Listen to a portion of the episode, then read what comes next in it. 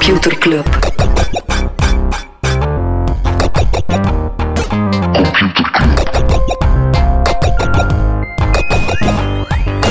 Computer Club. Hey Smolly, Hey Freddy, welkom, welkom terug. welkom. Welkom bij Computer Club, een wekelijkse podcast over technologie. Iedere aflevering selecteren Freddy en ik een eh, interessant artikel en presenteren we een feitje. Ja, dan af en toe is er zo wat uh, fijn nieuws dat we kunnen melden. Allee, ik bedoel, behalve dan nieuws uit Techland. Nieuws over onszelf, of, of de dingen dat we uitspoken. Ik zeggen, het is je verjaardag, maar het is totaal niet je verjaardag. 19 Totaal maart.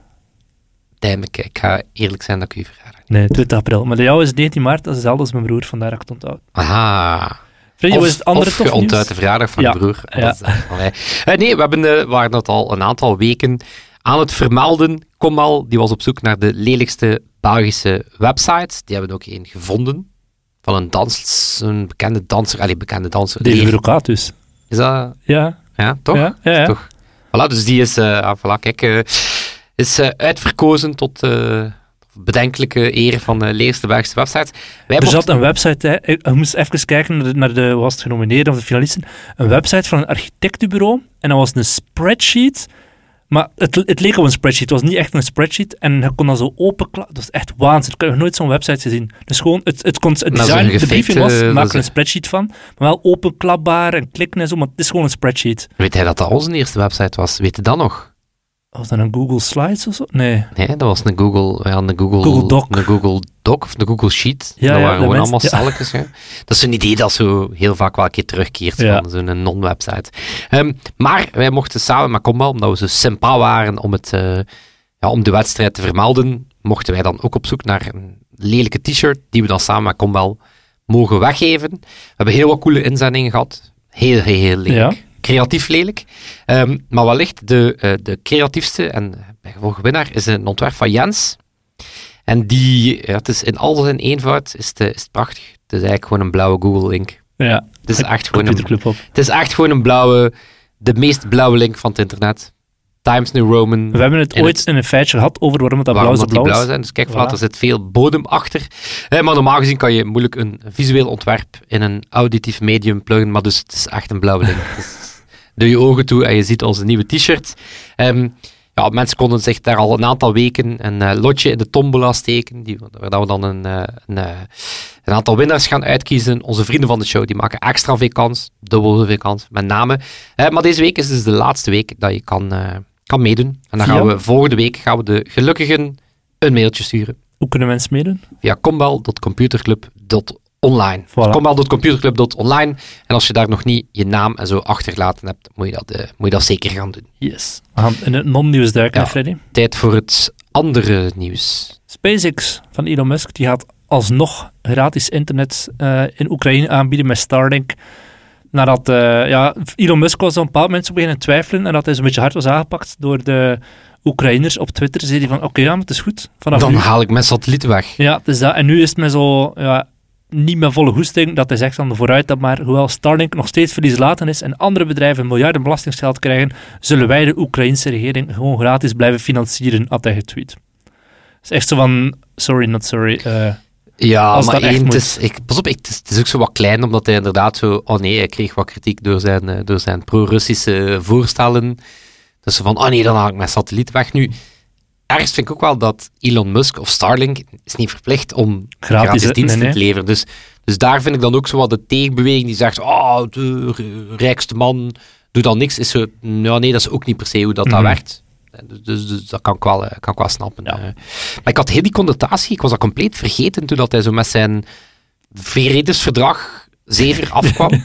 was ik zo even vergeten van, ah ja, maar Starlink is wel, was wel de grote redder in, in Oekraïne toen dat het internet daar plat ging. Dus eh, ja, bon. Ja, bon. Ehm, waar we het nog niet over hebben. wel, als we dan van Elon Musk een brugje maken naar Twitter en van Twitter een brugje maken naar Parler. ja. Ik heb hem ook geschreven. Ja, inderdaad. dus onvermijdelijk. Diwi had hem ook al gedeeld in het eh, clubhuis. Wat is de wereld vandaag, zegt Parler. Dat is, het, eh, als een beetje een Twitter-alternatief, vooral populair. bij Zonder de- filters. zonder filters eh, bij de conservatieven alt-right. Mensen die vinden dat ze elders niks mogen. Wel, bedrijf is gekocht door Kanye West. Kanye West, door Ye. Ja, die ook vindt dat hij, dat hij niks meer mag. Hè. Dus, ehm, Maar opvallend, eh Kanye is ook nog maar ehm, net lid van Parler. Heeft daar 91 volgers op het moment van de aankoop. Wauw. Ja, dus die, het lijkt ook wel een vrij impulsieve beslissing. Ah, tja, dat, dat, is, eh, dat zou ik echt niet verwachten van Kanye West. Ja, trouwens, in hetzelfde reeksje over Parler, eh, we hadden het niet gemeld, omdat ik vind ook niet dat we zo, die media zoveel aandacht moeten geven. Eh, maar die zijn sinds kort ook terug toegelaten op de Play Store. Ze waren zowel uit de, iOS, uit de App Store als uit de Oh, Play ja. Store verdwenen, omdat ze niet voldoende gedaan hadden tegen die oproep van geweld naar de Capitol Hill ehm, bestorming. Ja, dat zei zowel Apple als Google van ja, jullie moeten wel meer doen om dit soort eh ja, staatsgrepen basically tegen te houden. Eh, en daar zijn nu redenen toe dat ze dat wel zouden doen of zo. Maar eh, geen idee wat kan je ervan vindt. Ehm, wel interessant dat Gap, het kledijmerk, die waren vorige week al de samenwerking met Kanye gestopt en Adidas herevalueerd. Maar ja, hij is vorige week toch zeker twee dagen terug op Twitter geweest. En in die twee dagen heeft hij ook weer van alles over de joden getweet en zo. Dus dat zal ook wel iets te maken hebben met zijn aankoop van eh Parler nu. Hij lijkt met zijn blitse sletsen toch een beetje van het padje af. Voilà, en dan koopt hij gewoon een sociaal netwerk. Wat- Er is nog niet geweten hoeveel geld dat ervoor neergelegd. Eh Byju's heeft dan ook weer geld opgehaald. 250 miljoen dollar, om precies te zijn. We hebben het al een paar keer over Byju's gehad. Waarom is dat interessant? Byju's is een Indiaas leerplatform, waar dat een van de grootste investeerders, eh, een Belgisch bedrijf, een Belgisch investeringsmaatschappij, Sof Sofinice. Eh, maar ze hebben nu, ja, ze zaten in slechte papieren, maar ze hebben nu 250 miljoen dollar opgehaald. De vraag is dus maar, zal dat hun redden, of is dat een kleine bump in de ondergang naar beneden? waarvan dat iedereen zich afvraagt of dat het de slechte papieren kan, eh, kan counteren, of dat het eh, effectief de redding zal zijn. Netflix en advertenties. Dus plannetje die, eh, die intussen al wel even bekend is. Ja, het feit dat Netflix, ja, de groei valt daar toch wel een stukje stil. Tegelijkertijd veel meer concurrentie qua, qua streaming, abonnementen, abonnementen te koer.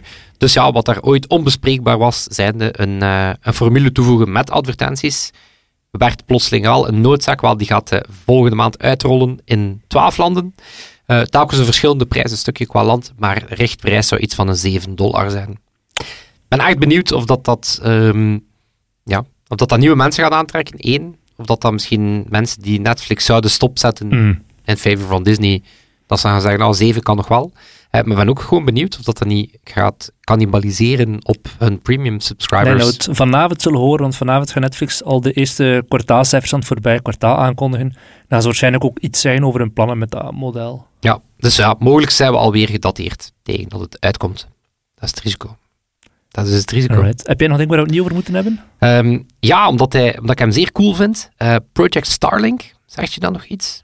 Project Starlink, we hebben het over Starlink gehad. Van Elon Musk. Eh, maar wacht, dat hetzelfde of heb ik hier gewoon een fout gemaakt? Over wat gaat het? Eh, het virtuele praatplatform van Google, waarmee dat je zo, zo gezegd met zelf, mensen in dezelfde ruimte kan zijn. Ondertussen even een intermezzo moeten doen, terwijl Freddy het opzoekt. Is het Starlink of is het iets anders? Wacht, hè. Wacht, ik zal anders vermelden wat dat is. Het, is die, ehm, het was die demo die ze, die ze getoond hadden van ehm, mensen die zo naar een soort virtuele spiegel kijken, waardoor Ja, je de persoon met wie maar dat je ja. in gesprek bent, Automatisch vertaald wordt. nee, waar Ah, je de, zit. Dus het is zo, eh, in plek van een 2D Zoom-call, zie je de persoon dankzij zo'n mega HD ja, glas, zie die eigenlijk zitten. Dus aan de andere kant zit er ook een hevige, hevige setup ehm, qua camera's en zo. En daar, eh, ja, dus daar zijn ze nu, dat was, dat was een proof of concept, en die wordt nu voor het eerst uitgerold. eh, onder andere bij, onder andere bij eh, T-Mobile, bij Salesforce, bij WeWork. Ja, heel, en het schijnt heel overtuigende technologie te zijn, dus, dus je bent niet in dezelfde ruimte en toch voelt het alsof dat die persoon moeten aan de beide- andere kant van die tafel zit. Beide units of beide moeten personen wel zo'n zotte setup hebben. Ja. Dus als dan voor het voorstel dat je zegt, wij hebben een kantoor in Gent, en we hebben in Leuven. In elk van die kantoren staat er in één van de meeting spaces zo'n zotte setup. Kun je, maar als het telkens maar één persoon natuurlijk, hè. één persoon met één persoon, eh leven ze echt Zoom-callen. Heb je gevonden wat dat de naam was? Klopt, nee. Oké, Ja. Tristig. we zullen het Project Starlink noemen. Dacht moest zijn naam dat- maar Ik dacht dat het zoiets met Starlink eh, ook te maken had. En dan nog één, omdat wel ehm, een tweeluik, maar vooral het einde van het tweeluik is vrij memorabel. Microsoft die gaat de concurrentie aan met Canva. Canva, ja, kan je, zeker als je in marketing werkt, ga je, ga je Canva wel al zien passeren hebben. Een soort do- DIY design tool. Eigenlijk een manier dat je ja, visuals voor je blog en andere eh, kan opmaken zonder dat je per se een echte designer nodig hebt. Dus heel wat templates, ook makkelijke manieren om heel wat formaten te doen. Ja, die waren zich sowieso al aan het nestelen. Ehm, wel, Microsoft die gaat daar nu de concurrentie mee aan. Die gaan een tool uitbrengen, Designer. Ehm, heel specifiek gericht op dat soort use cases. Die gaat ook generative AI gebruiken. Dus die gaat ook Mhm. ja, Stable Diffusion of Midjourney of, of DALI gebruiken om te zorgen dat je daar ja, on the spot foto's en andere mee kan genereren. Dat gaat ook deel worden van de Office Suite. Eh, wel, en hier het eh, toch wel ja, momentarische nieuws of zo, of toch, toch een groot moment. Ehm, Office houdt op te bestaan. Het wordt eh, 365. Oké. Microsoft was wel een tijdje bezig met dat abonnement van Ja, ja. dat was Office, Office 365, Microsoft 365. Eh, maar nu gaan ze ook alle uitingen van Office, dus Office.com, alle vermeldingen daarvan. En dat gaat allemaal deel worden van 365. Ja, omdat dat past iets beter bij het feit dat die tools ja, ook meer doen dan enkel Ja, ja, kantoortje. Ehm, maar toch, ja, einde van een tijdperk. Het kantoor bestaat niet meer. Ja, zot hè? Afgebakende werkuren bestaan niet meer. Nee, eh, ik heb het opgezocht. eh, Starline was het van Google. Starline, ik zat er zo dichtbij. Eén Dat een typo kunnen zijn. Als dit lingo was, dan was het eh, doe doe doe doe doe. En dan moest je alsnog een nieuw woord raden. Ja, ja, dat ging ik sowieso verloren zijn. Hè. Wie dat er volgens mij niet gaat verliezen, ehm, is de Chinese president Xi Jinping. Die, staat daar, eh, of die maakt zich deze maand op voor mogelijk een eh, verkiezing tot een derde ambtstermijn, wat ja, tot op heden eh, nog niet kon, eh, of dat toch steeds maar al niet meer gebeurt. Ehm, waarom zeg ik ja, wellicht niet verliezen? Omdat het lijkt niet, het lijkt niet per se alsof dat hij... Alle 25 concurrenten zijn uit het raam gevallen de voorbije maand. Zoiets. Ehm, maar ja, wat vinden de Chinezen eigenlijk van, van Xi? Is dit Ehm, eh, jouw artikel waar we induiken? Ja. Oké, ik trek even mijn zwembroek wel aan, want...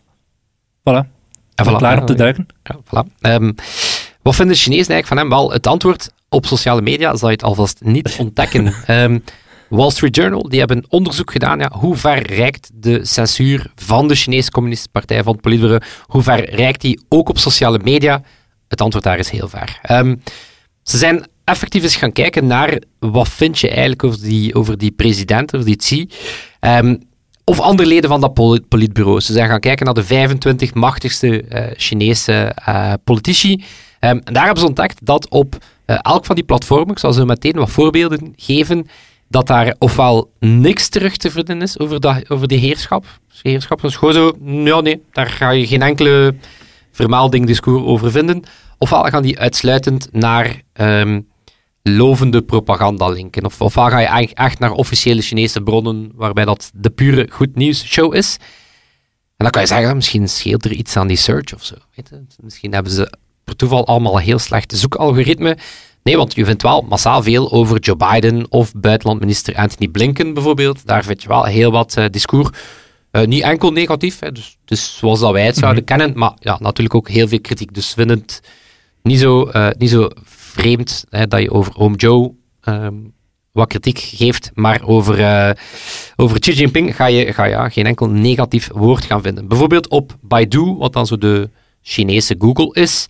Ehm, ja, dan ga je bijvoorbeeld op discussiegroepen, ga je binnen Biden, over Biden meer dan 180.000 eh, conversaties vinden. Over de Chinese president geen, eh, maar je krijgt er wel uitleg bij. According to related law and government regulations, the following results cannot be shown. Dus Baidu is er wel eerlijk over dat het niet aan hun algoritme ligt. Ehm Doujin, dat is de Chinese TikTok. Mhm. Letterlijk, het is hetzelfde, hetzelfde bedrijf, ByteDance, eh, maar dan de Chinese variant.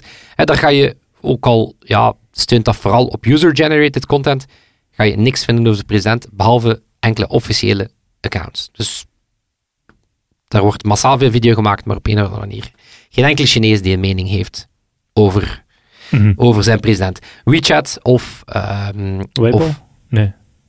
eh, Weibo komt zo meteen. WeChat, ook enkel officiële bronnen. Ehm Weibo is nog erger. Of die toont van zelf het onderzoek doen is niet zo fijn. Dus Weibo is dan de Chinese Twitter.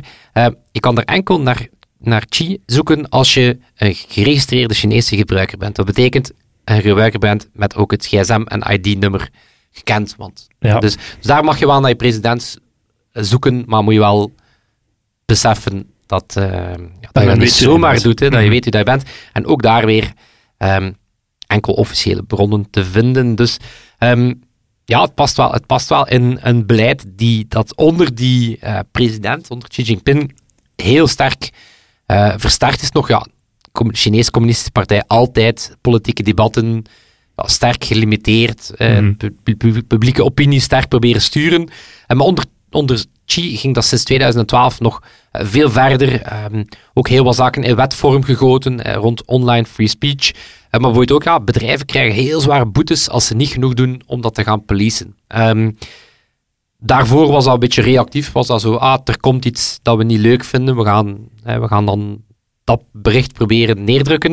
Uh, nu is er een heel proactieve lijst uh, met tal van topics, namen, dat je gewoon niet kan, um, niet mag vermelden. En dus het is aan die bedrijven om proactief ja, via machine learning en andere ja, te gaan zorgen dat dat gewoon niet online um, Dus de berichten, uh, zelfs als je ze typt en klikt op publish, worden gewoon niet gepubliceerd? Of hoe, ik weet nog niet hoe snel okay, dat, die, ja. dat die offline gaan, maar ik denk vrij snel, want die, die, het, is, het, is, het, is, het, is, het is wel degelijk een, um, een data-onderzoeksteam. Die, ja, ik ga je nog niet beginnen met al die cijfers mm. op te noemen, maar dus wel degelijk een, een data-journalistiek team die echt gaan kijken is op al die bronnen. Dus ik vind, vind sterk dat moest het mogen verschijnen, dan zou er altijd wel zo iets staan. Weet je? Zo ja, ja.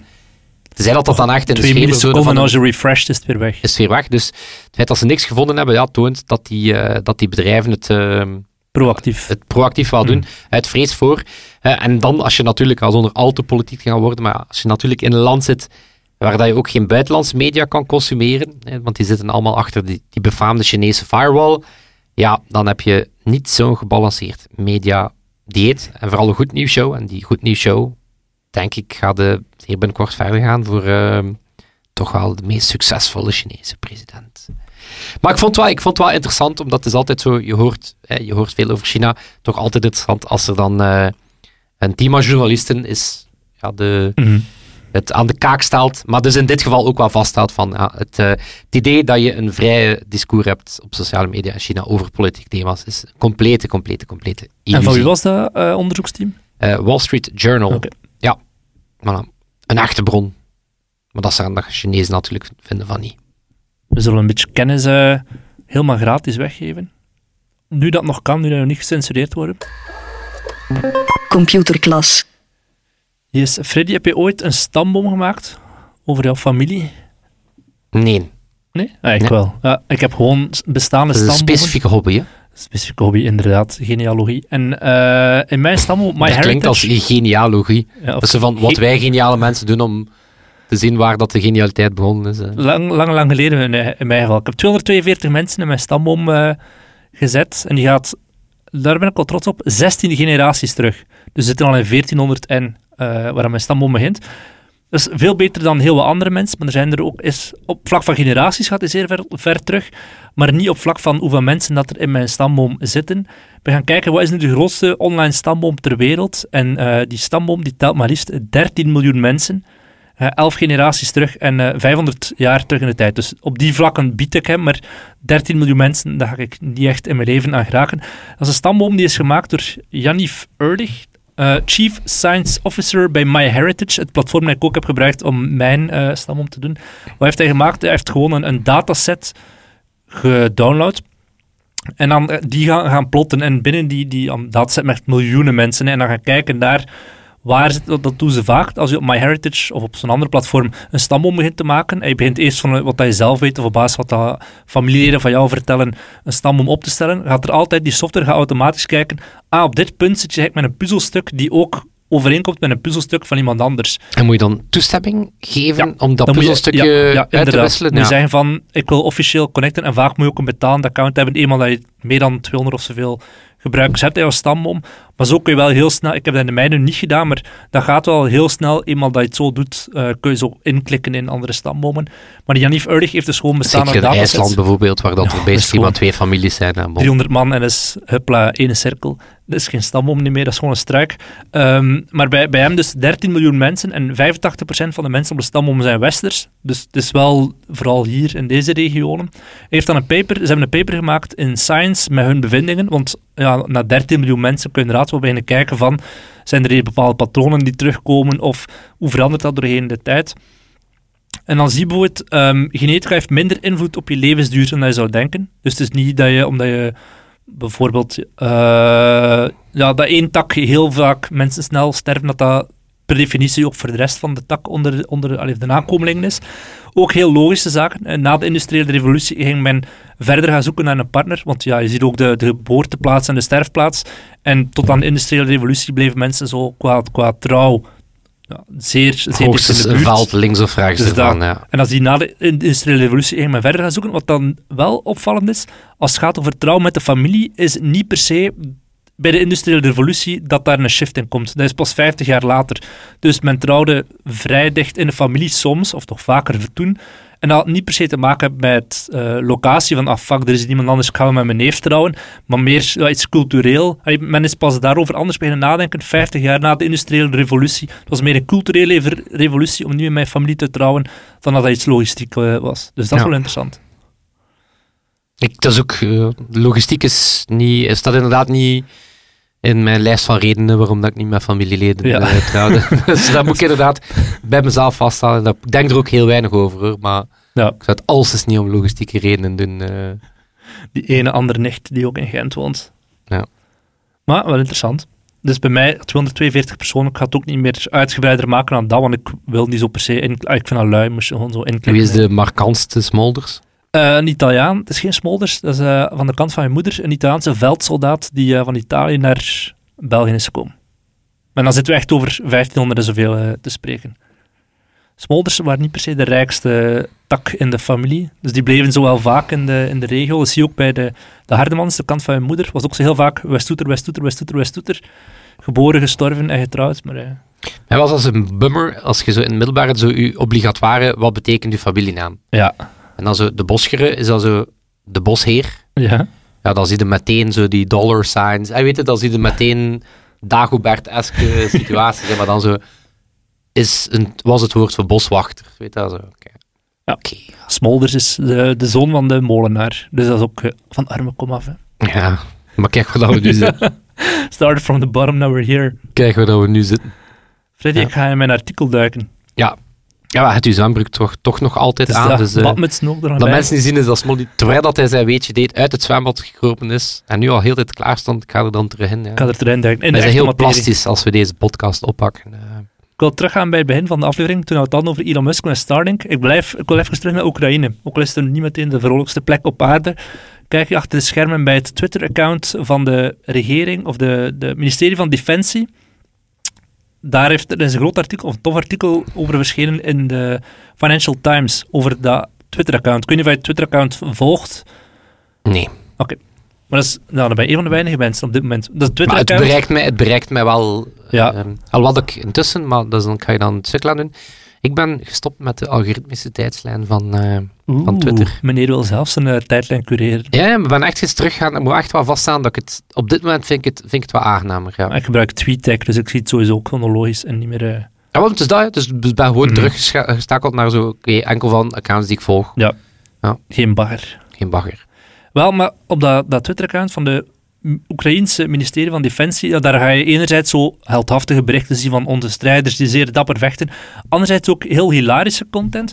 En het ministerie, eh, het eh, Financial Times is gaan kijken wie zit er eigenlijk achter dat account en hoe, hoe werkt het. Ministerie van Defensie, hij volgt het er zijn anderhalf miljoen mensen die het wel volgen. Als je dat vergelijkt, eh, het ministerie van Defensie in België heeft 25.000 volgers, dat in Nederland 50.000. Maar dat heeft uiteraard te maken met het feit dat er een oorlog aan de gang is. Maar zelfs dan nog, moest er hier in België een oorlog zijn, zou de hoogste van Wereldoorlog 25 2 zat het 30.000. waarschijnlijk hoger. Hij Ja. zat die account waarschijnlijk wel. En, en Was die viral. hoe noemt hij? Alexei Reznikov, dus de minister, eh, de minister van Defensie, heeft 550.000 volgers. Ja, de Donder hier in België 9600.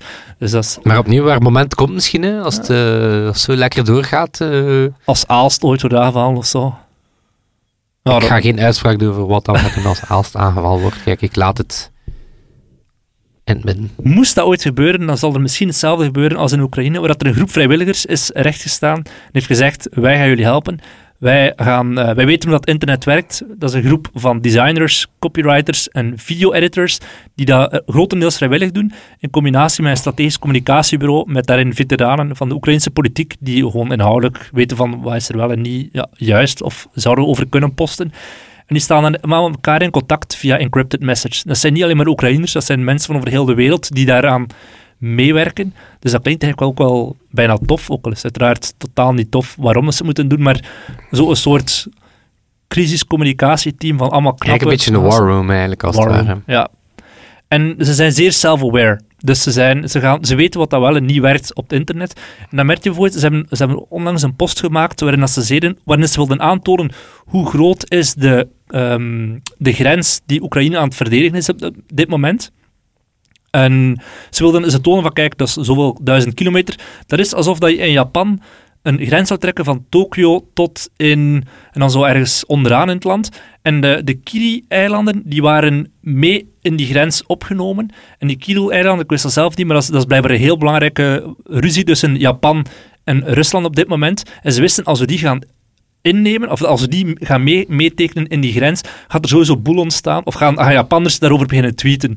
En dan merk je, ja, die, die, die waren uiteraard meteen van, ah fuck, ja, zie, jullie, jullie zien wel dat er hier bij ons ook een, een, ruzie is die aan het leven is. Alsof dat je, nou, alsof ze het zouden gedaan met de Belgische grens, zo de grens tussen eh, Aalst en Dendermonde ook zouden, zouden leggen. En daar zo tonen van, kijk, wij zijn, we weten dat die ruzie ook bij jullie leeft. Uiteraard, Aalst en Dendermonde is niet hetzelfde als die, die Kirill-eilanden en Moskou, of Oekraïne en Moskou. Maar gewoon weten van, als we dit... Echt die- zo bewust op wat knoppen duwen, Yes. dat je zo weet van, ja, Dit gaat iemand extra gaat viral gaan. zijn. Yes. Of niet per se triggers zijn, maar meer van jullie zien wat dat, wat dat er bij ons ook leeft. Ehm, zitten ook een paar Amerikaanse vrijwilligers bij. Ik zei het, het is een, het is een community die global is. En die weten heel goed wat leeft er onder Amerikaanse decision makers. Mensen die iets ouder zijn dan ons, die echt wel de mannen zijn, die, vaak ook mannen uiteraard, die in macht zijn. En die daar dan memes of die daar referenties aan gaan gebruiken in die tweets. En een van die dingen, welke film hebben mannen gezien van pakweg 40 jaar, 35, 40 jaar, en die refereren daar heel vaak aan. Ehm, het is een film over een heldhaftige strijder in Rome, Ah, Gladiator. uiteraard. Dus ja, dat weet, die, die mannen, die, die, die dudes zijn slim genoeg om te weten, de dudes die in power zitten in Amerika, politici of wat dan ook, zijn allemaal zo rond die leeftijd, 35, 40, 45 jaar, die kicken allemaal op Gladiator, dus we gaan daar bewust eh, referenties in onze tweets naar Gladiator gaan doen. Maar ze weten dat dat gaat opgepikt worden. Trouwens, Russell Crowe, dat is compleet off-topic, of niet. Russell Crowe, a.k.a. Gladiator, is eh, vorige week uitgeroepen tot uh, ere-ambassadeur van Rome. Ja. Oké. Dat is in Australië, hè. Alleen ik geef dat gewoon, ik geef dat gewoon mee, hè. Dus die, Nice. Ja, dat is zo proto-Romeins dat die, ja, voilà. Are you not entertained? Ja. En ja, uiteraard ook heel veel getrol. Hè. Dus uiteraard, er zijn heel veel posts zijn, zijn gewoon over het, over het gevecht, maar ook heel veel getrol richting de Russen. De Russen hebben op een bepaald moment moeten vluchten uit Kharkiv en hebben daar heel veel wapens achtergelaten. Dan hebben ze getweet, wij aanvaarden geen cadeaus van moordenaars en verkrachters, we zullen alles terugsturen tot de laatste bom. dus dat is zo, ook weer self-aware, een beetje donkere humor. ehm, maar dat, is Maar dat was lekker in het begin, van het conflict, de, de hele tractor, eh Ja, ja, ja. tractor tankpooling was ook zo'n hilarische fase, waarbij dat ze... trek, maar dan met een tractor. Ja, met een tank. Ja, dat was ook zo maar dat goed. doen ze dus bewust ook weer dat de troll, dat ze zeggen van ja, if you ridicule your enemy, then there's less fear. Russia has been trying to convince the whole world that they are the mightiest army. Now we see that they are weak, badly equipped, demoralized, and trolling helps us showing that the king has no clothes. Ja. Maar eigenlijk is, het, eigenlijk is het op dat vlak het omgekeerde van mijn stukje, waar, de, waar dat China zeer ver gaat om die, om die narratief volledig te proberen controleren, gaat Oekraïne echt zo eigenlijk net de kracht van, van sociale media, de kracht van... Om de van- sympathie te winnen van de rest van de wereld. Hè. het is nou natuurlijk heel slim, maar het is wel een beduidend andere strategie. Ja, eh. ze bereiken de Russen er natuurlijk ook niet echt mee. Hè. Dat is ook niet echt de bedoeling dat ze daar de, de lokale Russen echt mee gaan eh, bereiken. Kans is ook groot dat die het niet gaan kunnen zien, maar Ja, alhoewel Dus dat ze van tijd tot tijd, of Zelensky doet toch regelmatig iets in het Russisch ook. Ja. Om, eh omdat hij dan ook onder- wel snapt dat dat beelden zijn dat de Russen vaak zelf nooit te zien gaan krijgen. of eh. dat de gevluchte Russen kunnen te zien krijgen en dan alsnog met thuisfronten, alsnog met thuisfronten contact staan kunnen, eh, kunnen zien. Er is ook een website, signmyrocket.com, waar je geld kan geven om een boodschap te laten tekenen op een raket, op kruisraket of wat dan ook. En dan krijg je een foto ervan te zien. Voor 5000 euro kun je ook een eh, artillery machine sponsoren en dan staat daar, kun je gewoon op tv welke boodschap erop laten zetten. Dan krijg je ook een filmpje te zien van jouw had, artillery die in actie is. ik had hier een klaarzitten om onze amigo's Toon en Sebastiaan te bedanken. Zo weten we dat er ook altijd onze rocket mag zijn, maar Dat gaan ik ga we het niet doen. We gaan ze gewoon, we gaan ze gewoon droog bedanken. Nee. Bedankt. Bedankt Ton en Sebastian. En. Sebastiaan, die deze week de edit doet, de mix doet, zijn we altijd eh, super dankbaar voor. Ook dankbaar voor onze vrienden van de show. Absoluut. Ja, mensen die onze merch dragen of mensen die ons maandelijks ja, minder dan 3 euro Wat moest je nu weer 3 doen om de nieuwe merch te krijgen? Winnen? Ja. Naar combel.computerclub.online gaan. Dus laatste week dat je je lotje in die tombola kan steken. En onze vrienden ja, die maken dubbel zoveel kans. Voilà. Dus nooit een beter moment om vriend te worden via vrienden.computerclub.online. En dan zal het zijn. Tot, volgende, week. Yo. Computer Club.